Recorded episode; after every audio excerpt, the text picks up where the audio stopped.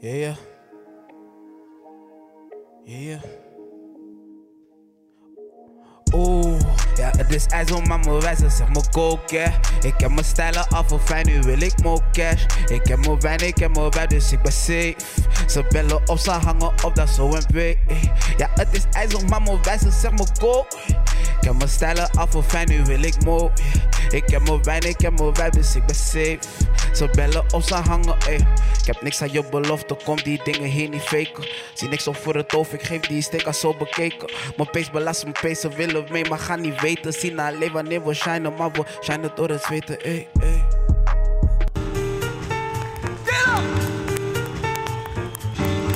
Welkom bij Late Night Talks met jouw host Fatima Warsame. Fuck applaus voor MC Last, dankjewel. Hallo en welkom bij Late Night Talks. Het is april. April is een goede maand.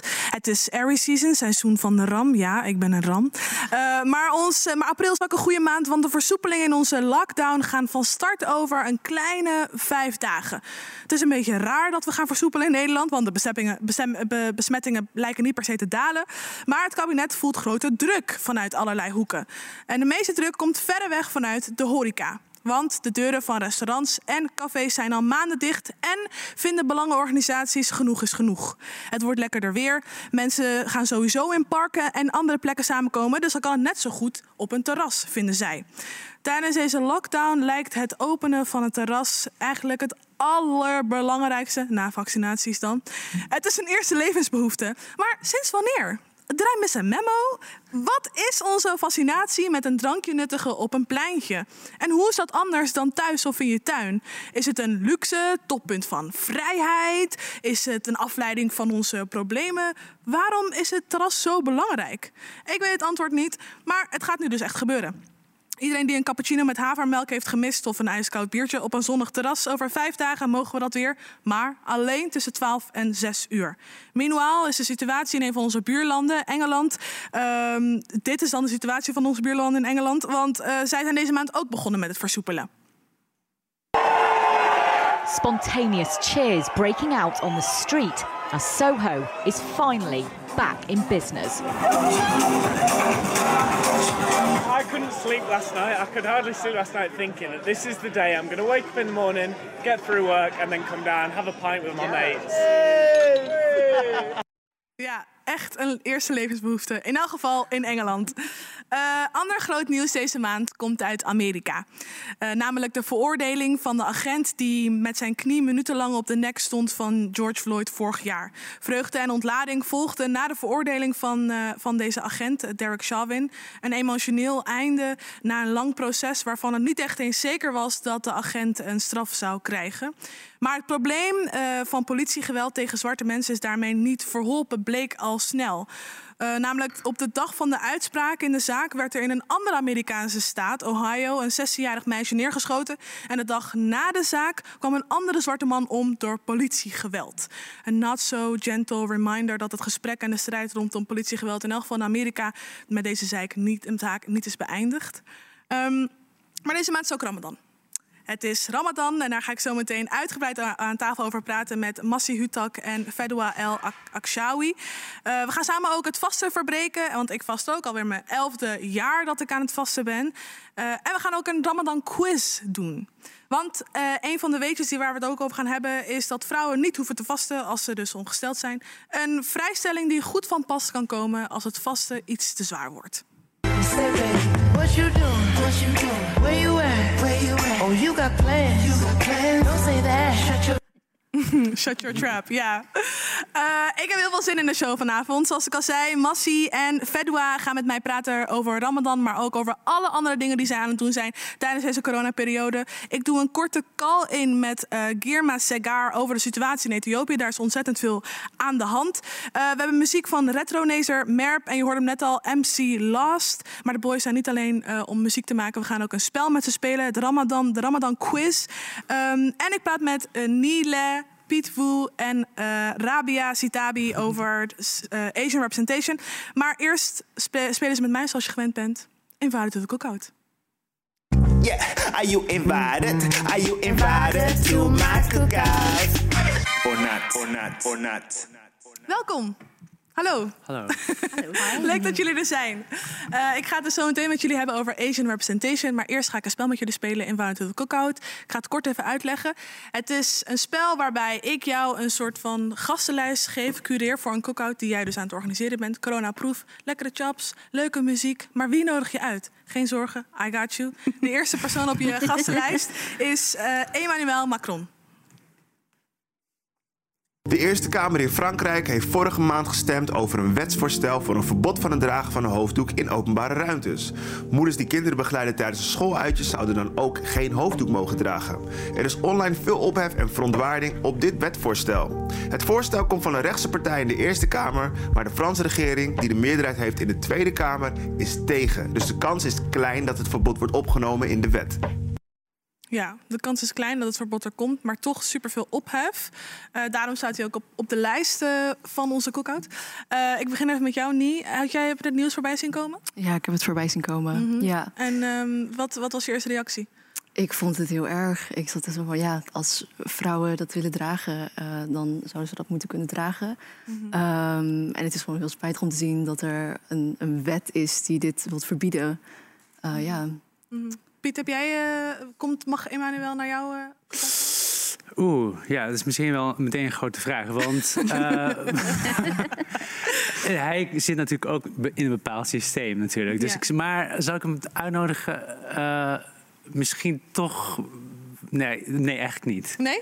Nou, je wil zeggen misschien toch wel? Ja, want ik dacht misschien dat je dan nog met hem een gesprek aan kunt gaan. Maar hij zit natuurlijk ook vast binnen een systeem van meerderheidsstemmen, et cetera. Dus ja, Mhm. dus nee, toch niet. Laat me zitten. Ja? Ja. Rabia? Not invited to my cookout. Oh ja, oh, ja, jouw mening die weet je ook. no. Ja? Nee, Vertel. ik vind, eh, ik vind het heel typerend dat in een eh, wit dominerend land eh, een witte mannen over gekleurde vrouwen hun eh, autonomiteit willen regeren met een wet die alleen hun specifiek target en niet eh, andere vrouwen die ook hoofddoekjes dragen, zoals nonnen of eh, katholieken of eh, noem maar op. Eh, het gaat specifiek echt om mensen die ze niet kennen of waar ze geen pap van hebben gegeten of die anders zijn, a.k.a. in hun ogen de buitenlander. And so uh, if you can't fly with my Muslim girls, then don't come to my cookout. Duidelijk. Ik zat ook nog te denken van... Ik probeerde een soort van... Ja, wat, wat kan een argument voor zijn natuurlijk? Er is superveel gebeurd in dat land, in Frankrijk. Mhm. Maar ik vond het ook lastig om, om dit nog op een bepaalde manier ja, goed te praten. Want het is wat jij zegt super specifiek op één soorten groep. Eh, We hebben het ook op Instagram gevraagd aan de mensen, aan onze volgers. 11% zei nee, hij mag niet komen. Ehm, en... Of is invite ook ook? Nee, ja, 11% zei nee, mag niet komen. Maar 90% zei ja. Dat is heel veel mensen. Ehm, Katja Schuurman is de volgende op, jou, eh, op onze lijst. Laten we even kijken. Goed Fout is een panelshow waarbij twee teamcaptains met hun team de morele barometer van Nederland inschatten. Wat kan volgens Nederland wel en absoluut niet. De vraag of iets wel of niet mag wordt ook aan duizenden mensen voorgelegd. De uitslagen worden vervolgens besproken met de deelnemers in de studio. Ja, heb je dit programma voorbij zien komen, Rabia? Ik heb fragmenten gezien, Mhm. inderdaad. Ehm, specifiek eh, om eh, iets heel specifieks, inderdaad. Ehm, Ik weet niet of het dit, dit, dit stuk hier ook over gaat. Ja, het gaat gewoon over de hele show. En daar Ja. nemen we Katja Schuurman als voorbeeld. Maar Ja. eigenlijk gaat het over ja, een soort van show waarbij ze ja, politieke correctheid eh, onder de loep nemen. Van wat mag je nog wel zeggen en wat niet. Ja. Op zich een goede vraag in de samenleving waar we nu wonen, vind ik persoonlijk. Inderdaad, inderdaad. Maar het wordt wel heel eh, op, zijn, op zijn Nederlands gedaan. Ja, wat bedoel je Ehm, daarmee? eh, ik, ik denk dat in de Nederlandse samenleving er heel veel geschuild wordt achter... oh, dit is een grapje, of we doen het komisch... of ehm, we geven er een, eh, een open draai aan. Alles moet bespreekbaar zijn. Ja. Ehm, en ik denk dat er bepaalde zaken zijn waar je gewoon een harde lijn moet trekken. Zoals racisme, zoals ehm, eh, mensen achterstellen. Eh, bepaalde eh, gedachten van mensen die, die hele samen, eh, mensen uit de samenleving uitsluiten. En ik, ik vind het een beetje lastig met dit soort programma's, want daar worden dingen onder de loep genomen, maar worden ze niet echt aangepakt. Het wordt allemaal een beetje als een grapje weggespeeld. En er wordt geen verantwoordelijkheid genomen uiteindelijk met de dingen die gezegd worden, die misschien dingen aan kunnen eh, vlammen. Ja. Ja, ik, toen ik het zag, ik bedoel, ik vind het principe van het programma best wel goed. Tenminste, in, in de zin van uh, wat, hoe, hoe, kunnen we als samenleving, uh, wat vinden we politiek correct en wat niet? En alles wordt een beetje touchy. Nou ja, dat is ja. ook een argument om juiste dingen, zeg maar discriminerende dingen misschien wel juist te zeggen. Uh, hoe kijk jij er tegenover, Piet?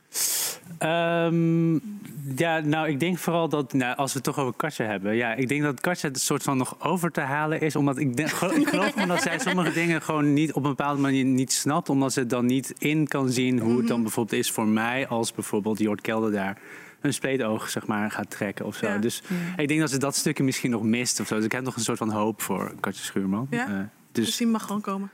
Die mag wel nog naar ook uitkomen. Maar omdat, ook, omdat zij natuurlijk, zij is ook deels, bijvoorbeeld heeft ze Chinese bloed, zeg maar. Zij zou juist degene moeten zijn die vroeger voor bepaalde jongeren, denk ik, een rolmodel zou kunnen zijn geweest. Ik denk dat ze juist voor heel veel mensen ja. echt een rolmodel is geweest. En dat zal nu een soort van niet meer. Nou, ik denk dat ze het wel nog over te halen is, inderdaad. Ja. Deel jij de mening niet in de zin van dat het ook een, een ja, sluier kan zijn voor dat toch racistisch zijn in het programma of wat op primetime op tv te zien is? Of zoiets van. Ja, ik zou, ik zou haar denk ik ook wel uitnodigen op de cookout. Uh, juist om het dialoog aan te gaan. En um, ja, er was bijvoorbeeld ook een stelling over ja, inderdaad Aziaten. En dat Jort Kelder inderdaad spleetoog ja. ging trekken.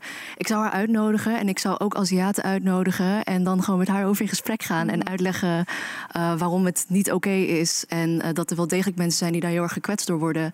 Mm. ook al hebben zij met een panel bepaald dat dat dan niet zo is. ja, ik zou het wel doen. Ja, we hebben het ook online gevraagd. Uh, daarin zei uh, 80% zei nee en 20% zei ja. Je, had, je zei het eigenlijk al een beetje in je antwoord een call in. Daar wil ik ook voor het volgende onderwerp uh, naartoe. Um, dat is een nieuw segment hier bij Late Night Talks. call in heet het. En we gaan deze keer hebben over Ethiopië. er is namelijk in Ethiopië heel veel aan de hand tussen de regering in Addis Ababa en de noordelijke regio Tigray. Die duizenden levens heeft gekost en minstens een miljoen mensen op de vlucht daardoor zijn geraakt. Uh, toenemende vreedheid in, uh, in het conflict uh, werd tot nu toe eigenlijk niet echt besproken op, op, ja, op het nieuws, op online. Maar nu komt er steeds meer aandacht. Wij vragen ons af, wat is er aan de hand, waarom? Nu hebben we ook via Zoom, geloof ik, Girma. Jij houdt je al wat langer bezig met dit onderwerp. Hallo? Hoor je nog niet, maar wellicht komt dat zo. Ja, ja, ja. Yes, yes. Oh, kijk. hallo, Hi, welkom. Hallo. Uh, jij houdt je al een hele tijd uh, deze situatie ook uh, in de gaten. wat is je eigen connectie met het, met het onderwerp, met wat, met wat daar gebeurt? nou ja, ik ben er geboren en tweejarige leeftijd geadopteerd. Maar van jongs af aan eigenlijk regelmatig terug naar Ethiopië gegaan voor familiebezoek. ik heb er een tijd mijn scriptie en mijn stage heb ik daar voltooid. En ik heb daar vrienden zitten. Mm -hmm. En in de Nederlandse gemeenschap, ben, of tenminste de Ethiopisch-Nederlandse gemeenschap, ben ik ook actief als een uh, community organizer. En uiteindelijk is mijn plan om naar Ethiopië te gaan. Dus vandaar dat, ik, uh, ja, dat ik het wel nauwlettend in de gaten hou. Ja, want wat is daar precies uh, aan de hand? Ja, nou ja, er spelen heel veel dingen. Um, zowel ja, wat te maken heeft met binnenlandse zaken als internationale aangelegenheden. dus ik kan niet alles gaan benoemen, maar voordat ik wat, wat zaken benoem, is het even goed om te begrijpen dat Ethiopië is, uh, is een uh, etnisch federale staat. Dus het is opgebouwd uit regio's uh, die zijn ingedeeld op basis van de dom dominante etnische cultuur ehm, die daar heerst. Eh, de drie grote, je hebt, je hebt 80 verschillende etniciteiten, maar de, de drie grootste etniciteiten die even belangrijk zijn om, om nu te weten, dat is de Oromo's. Dat is de grootste bevolkingsgroep. Ja. En um, tevens de bevolkingsgroep waar de, de huidige premier toe behoort. En die, uh, die, zij zijn eigenlijk stelselmatig gemarginaliseerd hiervoor. Um, dan heb je de Amara. Zij zijn uh, ja, de tweede grootste bevolkingsgroep.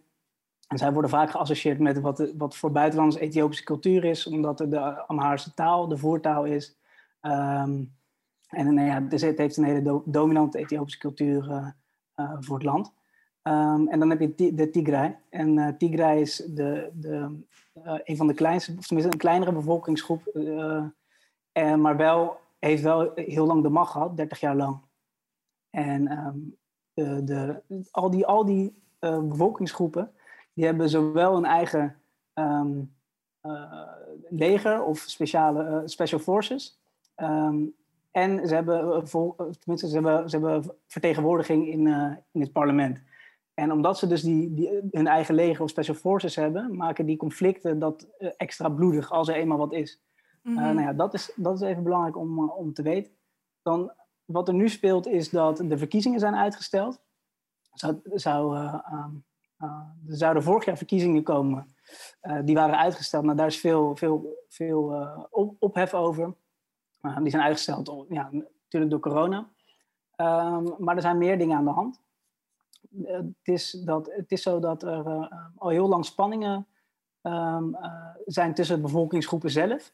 Ehm, en daarnaast is er spanning en conflicten tussen de bevolk- bevolkingsgroepen en de staat. Ja. En die groot, het grootste conflict is eigenlijk tussen de, de Tigray, of de- eigenlijk de, die volksvertegenwoordiging, of tenminste die politieke eh, partij van de Tigray en de, de TPLF en de staat. Ja, Ehm, dus er is, er is veel onrust. Ja, Ja, en eh, ik eh, las in elk geval toen ik ook hierover aan het ehm, lezen was... Dat, dat er woorden werden gebruikt zoals mensen... Ja, dat, dat, er, dat die groep dus wordt uitgemoord... Ehm, eh, omdat het dus de kleinste groep is en dus echt worden onderdrukt. Dat is een beetje, als ik het zo goed zeg, wat er aan de hand is? Of? Nou ja, ehm, er, vinden inderdaad ja, verschrikkelijke dingen plaats, gruwelijke dingen. maar het, is niet zo omdat zij de kleinste groep zijn. Ehm, en het, het, je moet zo zien, ehm, het gaat dus om de TPLF. eh, die, die hier in dit geval, die dus een conflict heeft met de Ethiopische staat. Maar die TPLF die had het sterkste leger van alle, van alle eh, regionale legers. Omdat zij 30 jaar lang in de regeer, de regeer, eigenlijk e- de regering waren van het Mhm. hele land. Mhm. Ehm, en ja, omdat, omdat dat conflict zo erg uit de hand is gelopen, ja, is- zijn er dus gru- gruwelijkheden eh, voortgekomen. En die spelen, spelen eh, misschien wel nog steeds. Mhm, ja, en ziet het er nou uit alsof de, de situatie gaat verbeteren eh, anytime soon? Ja, dat is, dat is heel lastig te zeggen. Het is, eh, ehm, kijk, dit is iets wat natuurlijk zijn oorsprong heeft voordat de, de huidige regering aan de macht kwam. Ja. Ehm, dus eh, je moet zo zien, het heeft dus 30 jaar eh, opgebouwd. Eh, dus het is lastig om te zeggen of dat binnen dus, nou ja, drie jaar eh, ehm, goed kan komen. Mhm, Ja. Girma, super bedankt voor je tijd en voor, voor de tijd om het uit te leggen. Ehm, ik ga met jullie aan, verder met, eh, met het gesprek over Asian Representation. Laten we even kijken. Het is een onderwerp wat gelukkig steeds vaker besproken wordt. Het gemis van Aziatische rolmodellen in de entertainmentindustrie.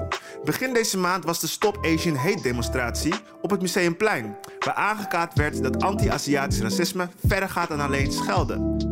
Mannen worden als niet masculine genoeg gezien en vrouwen worden geseksualiseerd. Maar er is hoop. Zo heeft Marvel hun eerste film aangekondigd met een Aziatische superheld in de hoofdrol en worden series als Warrior steeds populairder. Vanavond praten we met onze fantastische gasten over Asian representation in de entertainmentindustrie. En als je nog kijktips nodig hebt, blijf vooral kijken, want we got y'all. Yes. Eh Nee, ik begin even met jou. Want jij bent eh, co-founder van het collectief eh My My. En een van de gezichten van Omroep Zwart. En we hebben het over Asian Representation. Jij bent best wel bezig met die representation op dit moment. Ja, zeker. Ja, zeker. Hoe ben je begonnen met, met My My? Hoe is dat een beetje ontstaan? Maar My Collective is eigenlijk ontstaan door ja, een vriendschap ook tussen zes andere Vietnamezen die ook heel erg creatief zijn. En wat we heel vaak merkten is dat er verhalen over onze cultuur worden verteld, maar niet door Vietnamezen zelf. En wij hadden zoiets van: er zijn zoveel mooie eh, verhalen over onze cultuur te vertellen en wij willen dat gewoon zelf vertellen. Ja. En dat hebben we bijvoorbeeld gedaan door educatieve filmpjes te maken over eh, populaire gerechten. eh, zoals de banh mi bijvoorbeeld, waar we bijvoorbeeld ook uitleggen van ja, wat is de geschiedenis eigenlijk van de banh mi? Eh, ja, waarom is die zo geworden? En op die manier proberen we ja, ook mensen te educaten eigenlijk over de Vietnamese cultuur. Mhm. Heb je dat, hoe, op welke manier heb jij die Asian representation? Ik bedoel, dat kan ik wel zeggen dat het, dat het gemist is geweest. Dat het er niet, in ieder geval vroeger niet zo heel erg was. Op welke manier heb jij dat eh, ja, gevoeld? Gemist ook, Ja, eh, ook wel bedoel gemist, je? ja. ja, ja. ja ik, ik ben best wel opgegroeid in, in Maarsen. En het is zeg maar naast Utrecht. En er waren niet mega veel Aziaten. En ik voelde me altijd heel erg het buitenbeentje daar. En ja, ik heb dan ook nog een soort van een oppas gehad... die echt heel lang op mij heeft gepast. En die waren dan weer Nederlands. Dus ik zat ook een beetje soort van tussen twee culturen in. En ja, ik heb zelf ook nooit echt eh, Nederlands-Aziatische rolmodellen gehad... waar ik echt zo had van wow, die zijn echt super hard. Wauw, daar kan ik me mee identificeren. Dus, En geen enkele waarvan je nu, of ook niet in het buitenland? In het buitenland wel. Ja, Ja, ja. buitenland wel. Ja, En YouTube. wat is iemand... eh, Wie? Via YouTube. Ik, ik kreeg echt heel veel YouTube altijd. En heb je eentje waar je nu aan zo 1, 2, 3 aan moet denken?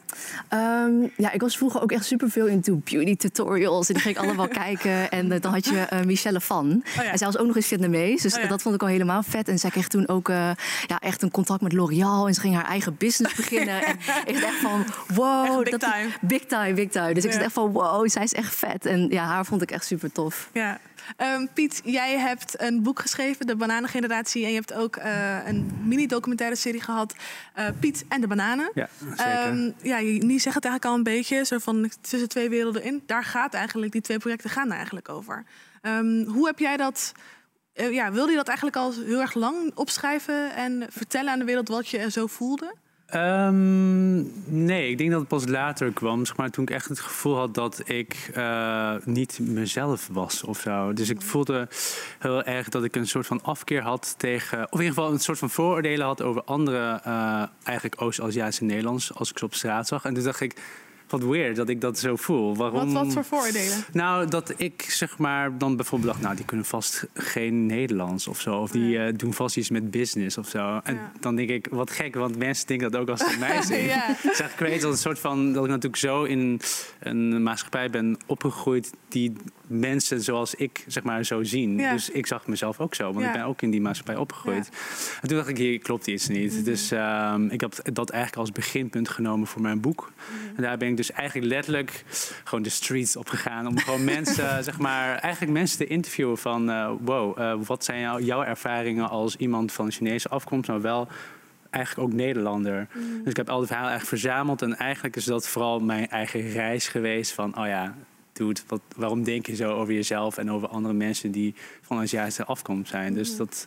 Het Was het een- was een confronterend? proces. Ja, het was, ja, het was wel confronterend. Vooral omdat ik dacht van, hè, deze mensen zijn helemaal niet zoals ik altijd dacht. Wat, hoe kan ik zo dom zijn? Of ik wilde dat gewoon niet zien of zo. Ja. Dus dat was gewoon wel echt wel eh, Ik heb het ook hoor. Dat als ik op straat loop en een zwarte man loopt achter mij, dat ik dan denk, oeh ja, eh, en slaat bijvoorbeeld. Dat ik denk, oh shit, ehm, moet ik nu iemand bellen of zo? Terwijl ik vraag me af wat een wit persoon zou denken als, ik, als ze mij tegen zouden komen op straat, weet je wel? Ja, Eh, zo, dat, ja. dat, is, dat is totaal wat je zegt. Je internaliseert het, want we leven allemaal in een samenleving waar het allemaal eh, speelt. Dus dat Ja. is, eh, ja, lijkt me ook wel, lijkt me ook wel gek om dat zo, Ja. zo op, op te schrijven ook wel. Ja. Heel gek en heel erg... ja, het, het kost gewoon heel veel moeite om daar zeg maar, van af te komen. Mhm. En ben je daar Ja. vanaf gekomen? Nou, mensen vragen. Mijn documentaire gaat dus over daten. En de, de vraag die ik het vaakst krijg is dus of. Eh, ik nu eigenlijk op Tinder al ook bijvoorbeeld Aziatische mannen naar rechts swipe. In plaats van dus altijd naar links. Want ik heb Mhm. toen, ik zei volgens mij in de documentaire dat ik ze altijd naar links Mhm. swipte. En ja, dat heb ik wel. Nu, Ik ben nu wel met iemand aan het daten, maar daarvoor, daarvoor dus deed ik het dus wel. Dat ik denk zo, oh ja, nou best wel een knappe Aziatische man. Ja. Of in Dus ieder geval dat- een man, sorry. Dus niet eens Aziat, weet je wel. Ja, Oh ja, dus dat heeft wel geholpen. ja zeker. Ja. Rabia, jij bent eh popcultuur-expert. We gaan het ook hebben over Asian representation in series, in films. Ehm, hoe vind jij dat het tot nu toe gaat? Er, er is verbetering aan het komen, zeker. En eh, het, het heeft jarenlang natuurlijk heel slecht voorgestaan. Eigenlijk als je echte Aziatische representatie wilde hebben... dan moest je het uit Azië zoeken. Er zijn jarenlang natuurlijk heel veel goede films en series uit Zuid-Korea, uit China, uit Japan. Eh, iedereen kent Bollywood uit India. Je hebt in het zuiden van India eh, heb je ook een eigen filmindustrie. En dat helemaal tot aan Turkije, want Azië is natuurlijk een heel groot ja, dat wil ik net zeggen. Het is Azië in de, in de breedste zin van, eh, van het continent. Ja, zeker, zeker. Ehm, dus ja, de, de, de content uit Azië werd onder Aziaten en ook andere continenten goed verspreid.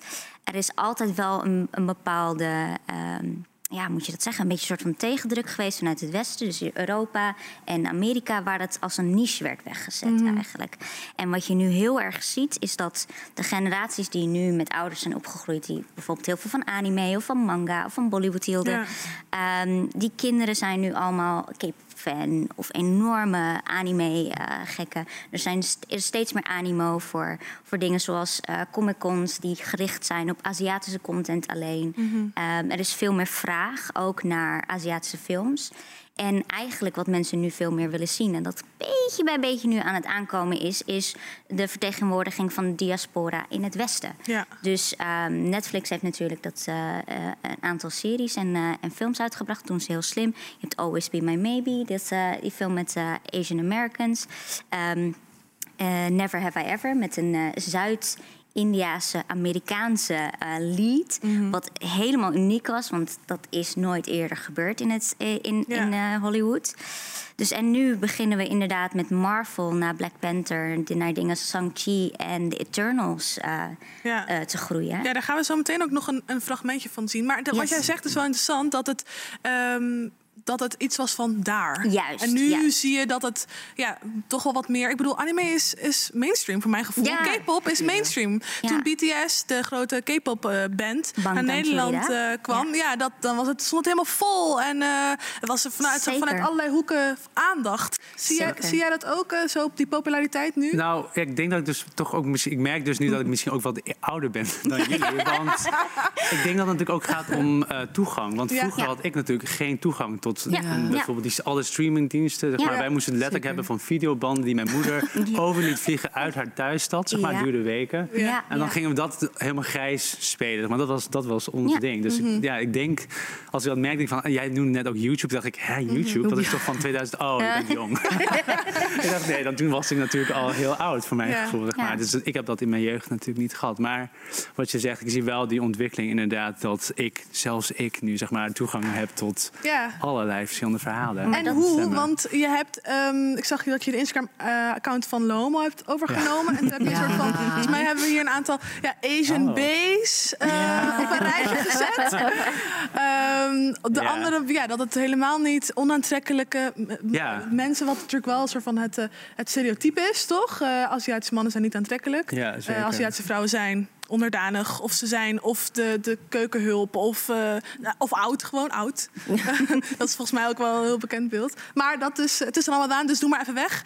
Eh, maar, maar het is wel eh, eh, dat beeld wat je verandert. In ieder geval met, Ja. op Instagram proberen te doen. Ja, want ik dacht van, dit zijn, ik noemde eigenlijk ook vooral heel veel mannelijke sterren. Omdat, nou ja, dat, die hebben natuurlijk sowieso weinig aandacht. En zij worden natuurlijk nog, werden heel lang gezien als onaantrekkelijk. Ook al zijn ze super buff en super met baarden, whatever, wat de, de schoonheidsidealen zijn. En dan nog worden ze zeg maar weggezet als onaantrekkelijk. En toen dacht ik, nou, ik moet gewoon laten zien van, ze zijn er ook, zeg maar. En dit zijn allemaal de nieuwe, ik heb geprobeerd wat nieuwere acteurs of zo, Ja. die mensen nog niet Ja. kennen, een beetje in de spotlight te zetten. Want ik dacht, nou, het mag ook een keer, toch? Ja, heel goed. Ehm, volgens mij. eh, eh, even kijken hoor. Maar ja, ik wil het even hebben, over Marvel, inderdaad. Daar hebben we een, een trailer van. De film eh Shang-Chi and the Legend of the Ten Rings is aangekondigd. Laten we even daarnaar kijken.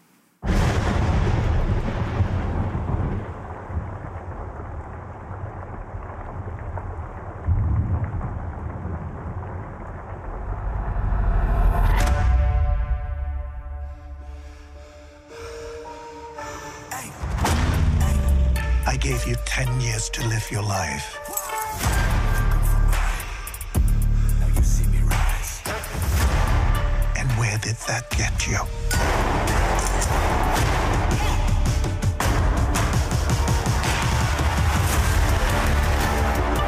You walked in my shadow.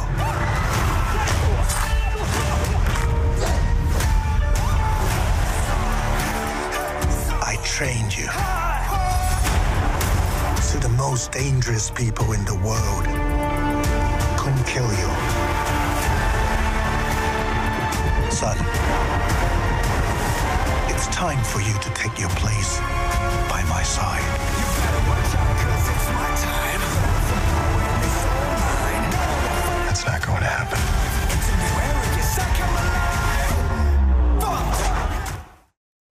Ja, als je dit ziet, dan wil je het toch gewoon zien.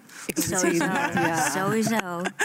dit is, vind je dit een goed voorbeeld van Asian representation, eh Rabia? Ehm, ik, ik denk dat dit een, een- zeker een, een voorbeeld is die laat zien dat het mogelijk is om een, een Asian lead te hebben in een hele grote franchise die normaal door eh, witte mensen gedomineerd wordt. Ik denk dat dit zeker een goed voorbeeld daar is. En ik- het is nog steeds een, eh, een karakter die eigenlijk origineel door een wit persoon eh, deels bedacht is.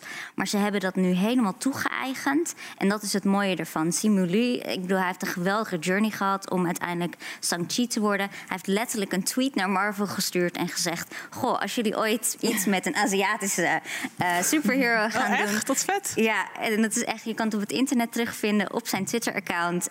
Het is ooit begonnen met een tweet. Hij heeft gewoon gezegd: Hey, gaan jullie ooit nog wat met Aziatische eh, eh, Marvel superheroes doen? Ik zou er graag eentje willen spelen. en toen een jaar Zo later. geschieden. Ja, Ja. Nou, de geschiedenis wordt nu geschreven, inderdaad. Ehm, dus dit is zeker, vooral omdat het zo'n grote franchise is. Eh, en dan komen we terug op, op, op wat jij zei op beschikbaarheid.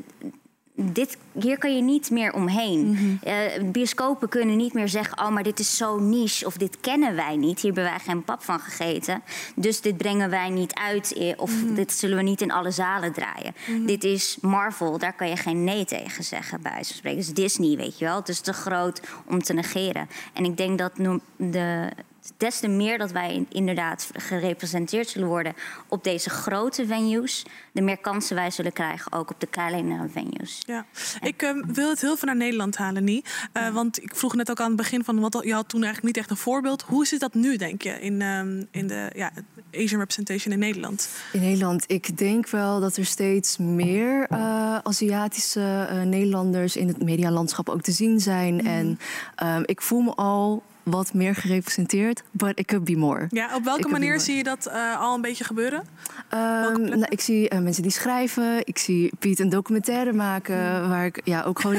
ja, en, en ook het boek, zeg maar, die ook gewoon die perspectieven kunnen vertellen. En dat is iets wat ik echt als een kind zo graag had, ge- had gezien. Mhm. Dus ik ben gewoon super blij dat het er nu wel is. Eh, En en we're still going strong. We're still going strong. We're still going strong. Ik zou eh, echt uren met jullie door kunnen praten hierover. Eh, maar de tijd is om. Super bedankt. Dankjewel dat jullie tijd voor, de, voor mij hadden om het hierover te hebben eh, vandaag. We gaan ehm, naar t- eh, vier ontzettend leuke boys eh, uit Amsterdam. Die bekend zijn door fashion, door muziek. Kijk maar even mee.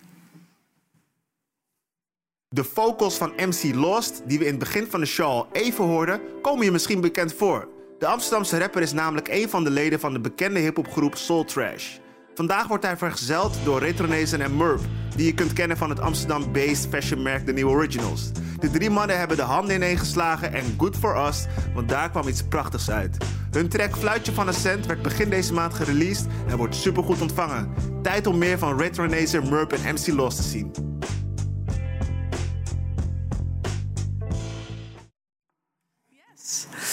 Tijd om wat meer van ze te zien. Zij, zij staan eh, volgens mij eh, al daar links. Komen ze nu te staan?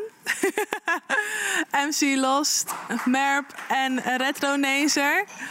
Ehm hoe is het met jullie? Ja, goed. Soms moet je voor jezelf klappen, dus ik klapte even voor mezelf. Heel goed. Hoe is het eh, met jou, Prem? Merop. Eh, Merpste. trouwens, is die mic hier goed? Of kan ik hem hier zetten? Ja, zet maar daar neer. Is maar hartstikke goed.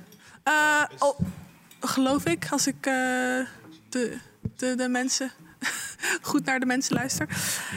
Eh, Los, ik begin even met jou, want ik zag je net al in de opening. Jij bent bekend van Soul Trash, maar je gaat nu ook een soort van solo kant op. Hoe, is dat voor je? Hoe gaat het nu voor jou? Ja, het is grappig, grappig dat je dat zegt. Omdat eigenlijk ben ik als solo-artiest eigenlijk in Soul Trash eh, gerold. Alleen, eh, het is nu al bijna vijf jaar, dus... ehm, ja, ik deed het eigenlijk altijd al en het is gewoon... die boys supporten me daarin, dus eh, ja Mhm. man. Alleen Mhm. maar liefde en vuur. Heel goed. En Retro Nation, wij kennen jou natuurlijk gewoon van, eh, eh, van de New Originals, een, een kledingmerk. Maar je maakt nu steeds meer muziek. Hoe gaat dat eh, voor jou? Ja, voor mij is dat ook gewoon echt een manier om mezelf te uiten. En daardoor ehm, eh, kan ik gewoon ja, de creatieve kant nog meer laten spreken. En ik Mhm. hoop dat dit eh, nog meer mag in de toekomst. Eh, het is volgens mij alweer bijna tijd om, om, eh, om het vaste te verbreken. Dus laten we even kijken naar wat het allemaal dan eigenlijk betekent. De Ramadan is de negende maand van de islamitische kalender waarin moslims vasten. Dit houdt in dat er niet wordt gegeten en gedronken vanaf zonsopgang tot zonsondergang. De bedoeling is namelijk dat je zowel fysiek als mentaal meer ruimte creëert voor een sterkere connectie met God. Het is een periode van bezinning en dankbaarheid. Daarnaast is het de uitdaging om jezelf te blijven ontwikkelen en verbeteren op het gebied van negatieve en ongezonde gewoontes. De Ramadan is all about emptying your stomach to feed your soul. Yes, fijn dat jullie er zijn. Jullie hebben al jullie vasten verbroken, hè? Yes. Ja, ik heb net ook een slokje water eh, gedronken, want het was al ver over tijd heen, zag ik. Eh, ik begin met jou, Faidoua. Leuk dat je er bent. Eh, hoe doe jij eigenlijk het vasten verbreken? Doe je het meestal ook met een dadel of eh, met water? Of? Nee, altijd wel. Ik begin met een dadel, ja. Ja, Mhm. dat is gewoon eh, wat je hebt geleerd. En het is ook eh eh sunna. Ja. Dus dat, eh, Ja. En eh, hoe, hoe, is, hoe is dat bij jullie thuis met, het, met de Ramadan? Hoe beleven jullie dat? Of doe je dat meer eh, met je vrienden? Of? Ja, dat is nu. Kijk, eh, vroeger was dat echt de familie. Maar nu ik gewoon ouder ben, en, dan, dan kies je ervoor. Om, soms ben je met vrienden en soms ben je met familie. En, ja. maar je, ik merk wel dat vanuit huis het samen verbreken, dat dat wel erin zit. Alleen ja, we hebben vorig jaar natuurlijk de Ramadan meegemaakt in coronatijd. En nu weer. Dus dat betekent dat je wel. Het, het is wel gek of zo. Ja. weet je? Het is niet meer zoals eh, voorheen, waarin je echt eh, eh, met elkaar standaard. Dus heel de maand Ramadan had, was mijn eh, afsprakenboekje was gewoon vol. Mhm. Want ik was overal wel. er- ja, was elke dag wel weer ergens anders. bij ja. iemand anders of, of mensen bij mij thuis of dat soort dingen. Dus. Ja, ik raak ook alweer een beetje afgeleid, want al het eten Ja, komt hier op Ja. tafel. Dus tast alsjeblieft toe, Ja, doe het. ja, gaan we- Ehm, gaan we doen, ja. Ik, ik kijk even naar jou, Massi. Ja. Hoe, is, hoe vind jij, hoe is, hoe is jouw Ramadanjaar nu tot nu toe? Want we zitten volgens mij 13 dagen. Ja, ongeveer. Nee, eh, het is de tien, 11e elf. dag. Het is de 11e dag, ja. Eh, goed, gelukkig. Ja, gewoon fijn. Ja. Ehm, ik kijk er elk jaar best wel tegenop en dan denk ik, oh ja, het is alweer. Ja. En het is natuurlijk elk jaar ook weer eerder. Maar als ik één of twee dagen bezig ben, denk ik, oh ja, ik doe dit al heel lang en dit gaat best wel goed. Ja. En een aantal jaar geleden was het in augustus en juli en dat waren echt taaie, Super taaie heet. maanden. Ja. Ehm, ehm, taaie maand. Ja. Maar dit gaat echt goed. Ja. Ja. Is het, eh, is het voor jou in de zomer moeilijker dan in, eh, in ja, nu is het mei, dus, dus ik vind het nog best niet heel koud. Het is april. Ja, ik denk dat het voor Sorry, iedereen. ik heb Wil je wat eten, liever? Wil je wat eten? Vaat, neem wat te eten, man. Geef me een loempia. Geef er iets. Mijn moeder heeft ook wat gemaakt. Zit hier ook Oh, dat maar niet uit. Oh. Ehm, Dank jullie. We gaan praten en eten tegelijk. Ja. Maar het is in april, het is, het is best wel koud buiten. Het is niet heel heet. Dit is oké. En, en, en ehm, voor mij is in ieder geval, ik pas altijd mijn ritme erop aan. Dus ik zorg altijd dat ik. eh, eh, ja, ik doe, eh, je staat op s'nachts, dus dan neem je wat extra. eh, je drinkt wat water, je neemt wat fruit, zodat je wat, wat vitamine en wat dingetjes binnen hebt, wat, wat voedingsstoffen binnen hebt, om de dag door te komen. En ik neem gewoon het allemaal wat rustiger aan. Ik, ik werk wel altijd door. Maar ik, ik eh, probeer wel mijn energie een beetje te beperken. Mhm. En gewoon eh, wat ja, na te denken over de dag nog. Maar ja, je bent het, wat, ik doe het al sinds dat ik elf jaar ben. Dus het is voor mij ook ja. eh, een vanzelfsprekendheid. Ik krijg heel veel mensen die altijd me zeggen van... oh mijn god, hoe, hoe, hoe kan je het? Dan denk ik, nee... We zijn tot zoveel in staat. Het is echt. Ja. Probeer het gewoon een keertje. En ervaar het een keer. En kom dan met mij praten. Want het is echt. eh, we zijn zo aan het overconsumeren altijd. Ja. We zijn zo die graaikultuur. Als Ja. We worden overal. Loop maar een keer op straat. Hoe vaker eten wordt.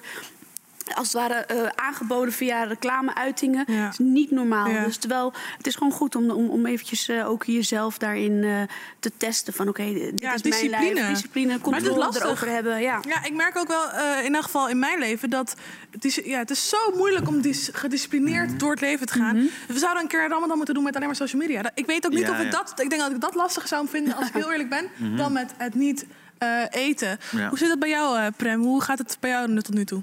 Ehm, ja, eigenlijk best wel goed.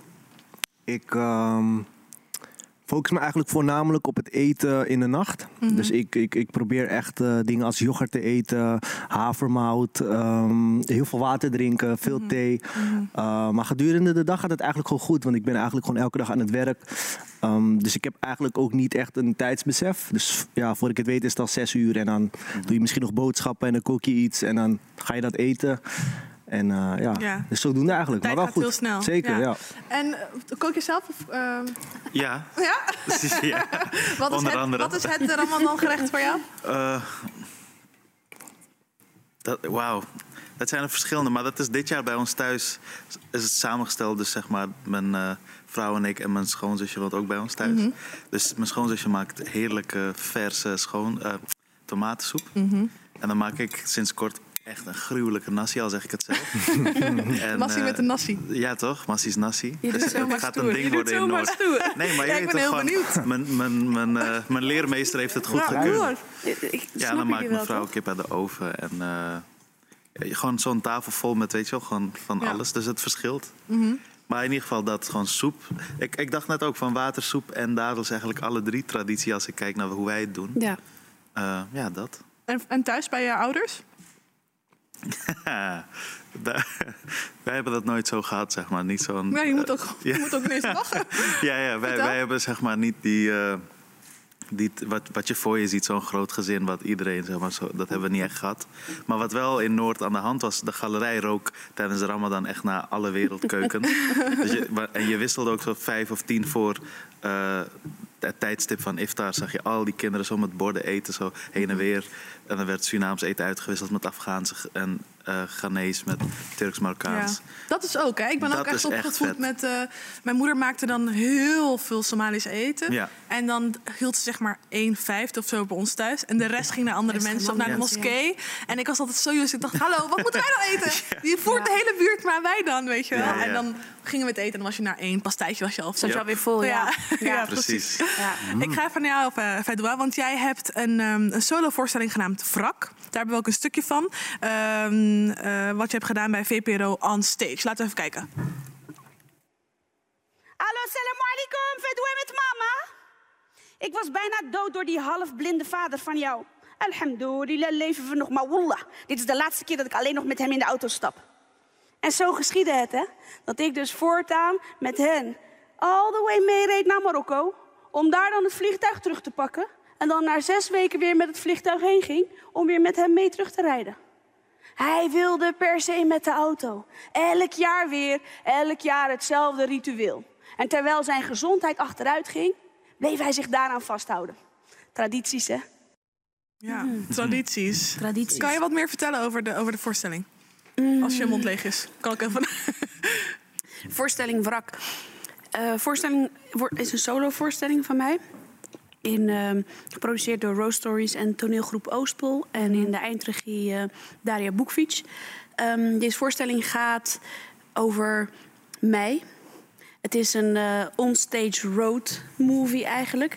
Waarin ik eh, ehm, jullie als publiek meeneem langs alle auto's waar ik ooit in heb gereden. Eh, alle auto's waar ik ooit in heb gereden, koppel ik automatisch aan de mannen in mijn leven. Dus mijn broers, mijn vaders, maar ook mijn, mijn, mijn- de liefdes die ik heb ervaren. Ehm, en aan de hand van die auto's, op die eenzame snelweg, eh, gaan we langs mijn leven. En is het eigenlijk een soort coming-of-age story van een eh, jonge vrouw die op zoek is naar een noodzakelijk stukje zelfliefde. En, En, eh, heb je het gevoel dat dat ook een beetje is gebeurd tijdens het maken van de voorstelling? En het, eh, Ja, ja, kijk, het is, ja, zeker. Ja, zeker. Ehm, wat, wat, eh, ik zit nu midden in mijn proces. Week vier heb ik net afgerond. De teksten liggen er. Veel te veel teksten.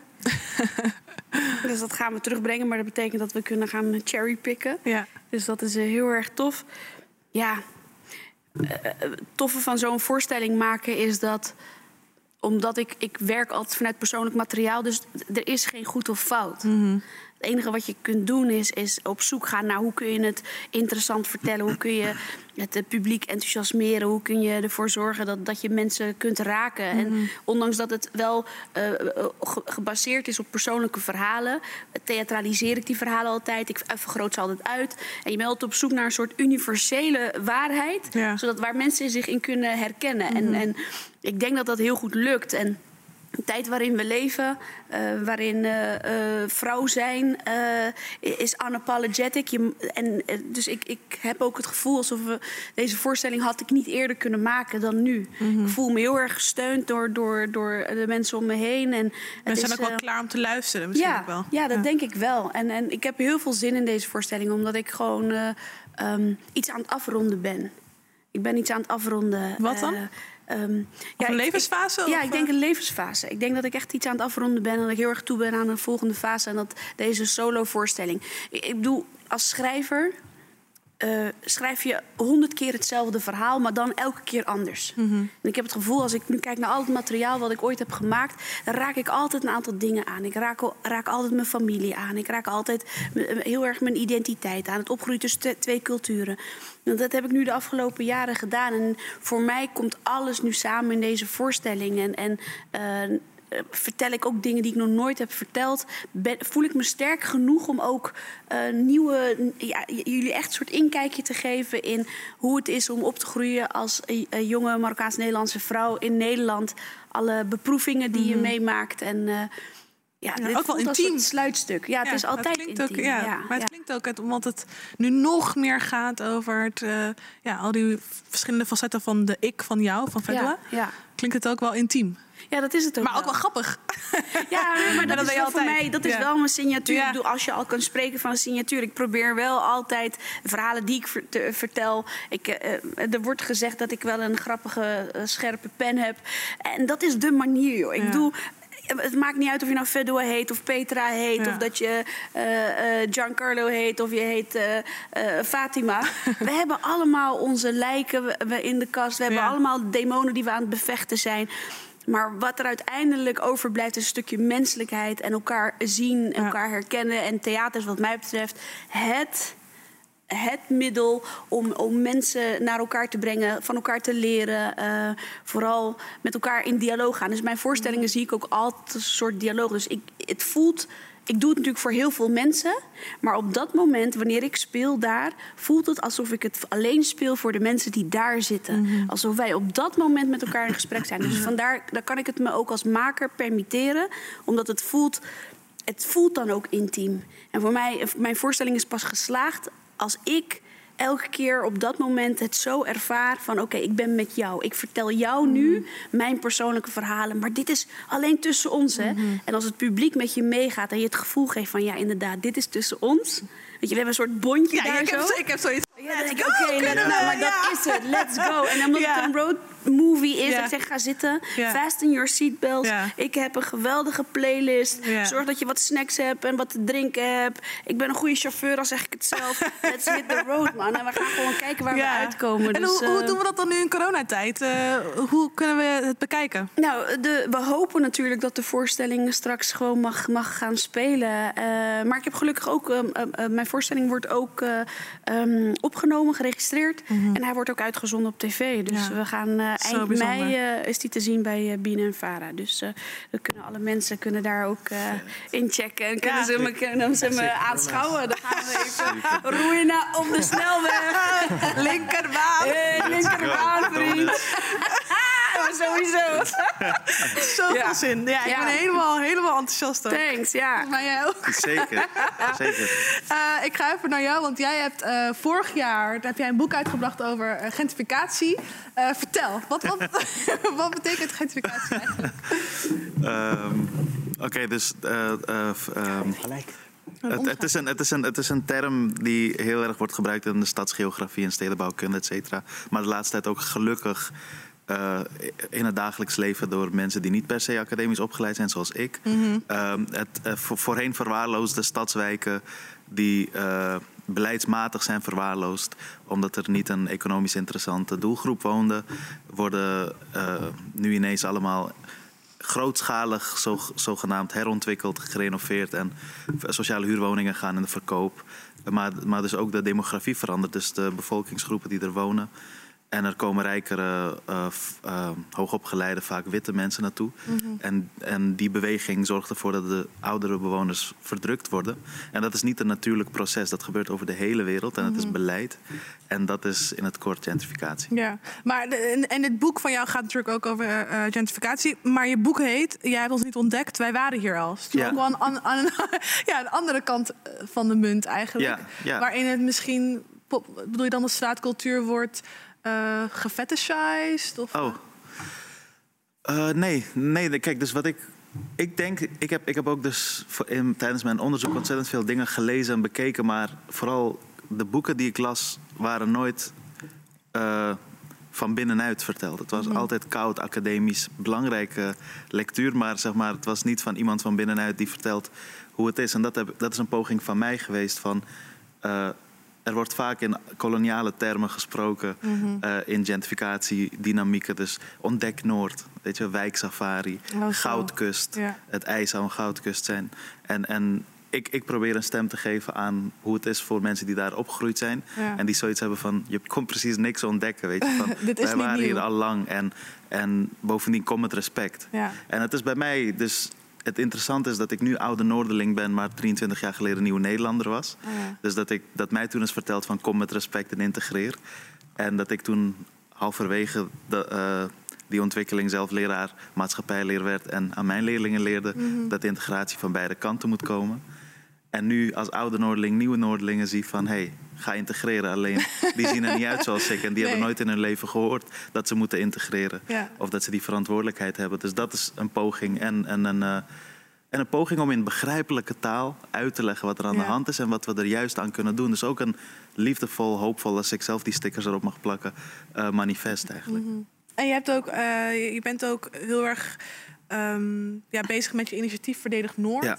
Dat is, eh, ja, daar heb je het ook veel over, dit soort thema's. Ja. En je probeert mensen ook te enthousiasmeren om ja, echt een soort van take back the hood. Zeker. dat mag zeggen? Ja, ja, zeker. Eh, maar je doet ook met Verdedig Noord eh, de zogeheten Ramadan-maaltijden. Want dat hoort ook bij de Ramadan. Eh, geven. ja, ja, ja, Ehm, zeker. Ja, omkijken. Ja. Eh, vertel, wat, wat, Ik heb al gedoneerd hoor. Dankjewel daarvoor. Want mensen kunnen doneren. Iedereen, Ja, ja. moet doneren. Ja, wij, link, wij eh, ja, dus, dus in, mijn, in mijn Instagram bio is een link. Massie5711 is mijn Instagram handle. maar ehm, ja, we hebben dit vorig jaar eh, gestart. Eigenlijk was, het, ehm, was ik benaderd door Sweetie Chapso Zara, die een van onze. eh, een van de personen die onze maaltijden verzorgt. Zij zei van, hey, ik, heb, ik, ik heb een catering en ik heb wat maaltijden over. Wil jij tijdens Ramadan misschien in Noord dingen uitdelen? En ik zei meteen van, zullen we niet er meteen een actie van maken... dat we dit gewoon elke week doen? En wij hebben... Dus het mooie is aan, als je zittende bewoner bent... is dat je de informele structuren kent. En, en gelukkig hebben wij heel veel netwerken in Noord. Zorgorganisaties die eh, zijn georganiseerd langs informele lijnen. Dus niet een stichting per se of BV... maar wel degelijk professioneel en officiële buurtorganisaties. En via hen konden we weer eh, bij de juiste mensen die het hardst nodig hebben terecht. Ja. En dit jaar, en dat is niet alleen tijdens Ramadan, we hebben ook Persisch nieuwjaar gedaan. En met Ketty Kotti gaan we ook eten uitdelen, met kerst ook. En met eh 5 mei vrijheid, eh, dag, bevrijdingsdag ook.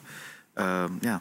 Ja, het is echt Spread samenkomen. solidarity. Ja, en Ja, hyperlokaal elkaar Juist. steunen ook wel. Ja, ja, en een eerste poging tot een nieuwe economie. Mhm. Ik wil het heel veel hebben over, als Late Night Tax willen we ook een, een goed doel eh, uitlichten. Eh, namelijk een doneeractie die is opgezet eh, door Adina Capela Mawata. Zij is geboren met een hersenziekte SCA7, waardoor ze blind zal worden en haar balans zal verliezen. Ze, er is 150.000 euro nodig voor onderzoek naar een geneesmiddel. En sinds maart is een doneeractie begonnen, waar er eh, 76.000 euro al is ingezameld. Wil je ook een bijdrage doen? Check dan even onze Instagram eh, om te kijken hoe je dat wil doen. Ik wil even afsluiten met deze mooie Ramadan-gedachten. Super Zeker bedankt dat jullie er waren. Ja. Blijf alsjeblieft zitten. Eet. Ja. Sit back, relax. En we gaan luisteren naar Merp. We gaan luisteren naar MC Last. En naar Barano. eh, en Retro Nazer. Fluitje van een cent. Dankjewel. Yes. Yes, yes, yes, yes, yes. Yeah,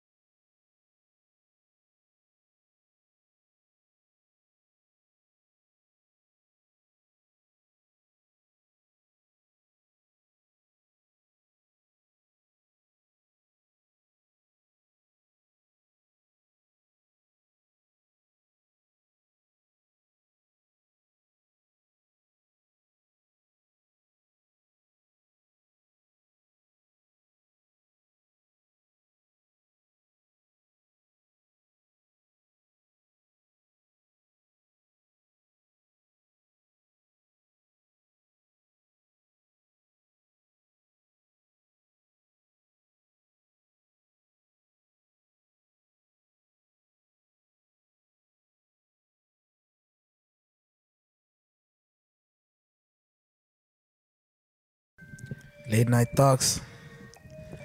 Major shout-out naar Chef Crispy. Behind the decks. Ones Yeah. and twos.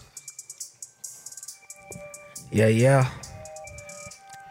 Als je vanuit thuis uit meekijkt, zet je laptop even in de lucht. Yeah. You know how the thing's set. Let's go. Let's go. Let's go. Hey, ja. Shit, ik wil beide zakken stijf. Drinken iets bruins, ik zie dat ze kijkt. Hey, first class richting Dubai, lig aan het strand. Dan word ik ge... Shit, wie ben jij? Zie hoe ik shine. Shit, ik heb scheid. Mijn t-shirt is white, mijn brakka is white. Kijk hoe ik flash, ik word niet bedijd. We leven zo vrij, mijn niveau brengt pijp. Ik zeg al van chill. Hey, ik weet niet meer zombies kleins. We stappen erin, houd zo real. Shout out naar Quinna, hey, shout out naar Rijn. Hey, waar is mijn wijn? Wat is de deal? Je weet al lang wat we zijn en jij wordt de klein. Wil eens nu eten in Parijs? Ey, fluitje van een cent. Fluitje van een cent. Ey, fluitje van een cent.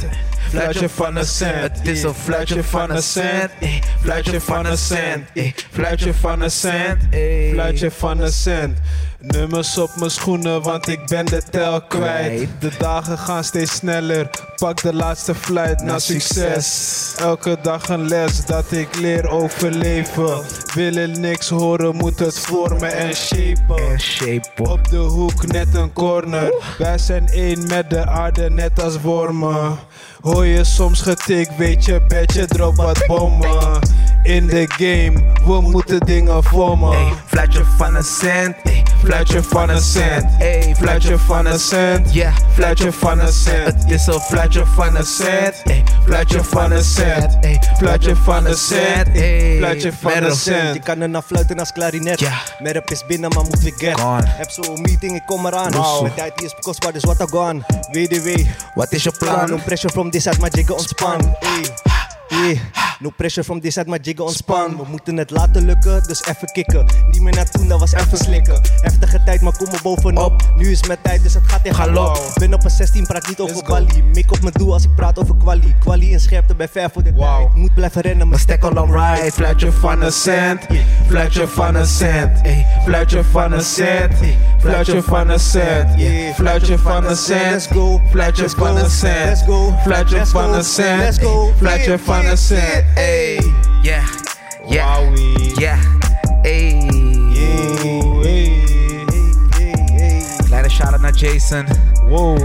Kleine shout-out naar Ahmed. Je weet het op de video, Nelson. man. Videos, Productions. Nelson, iedereen, man. Chef Crispy. Bre. Yes, en vanaf deze Ramadan tafel zeg ik dankjewel voor het kijken en tot volgende maand.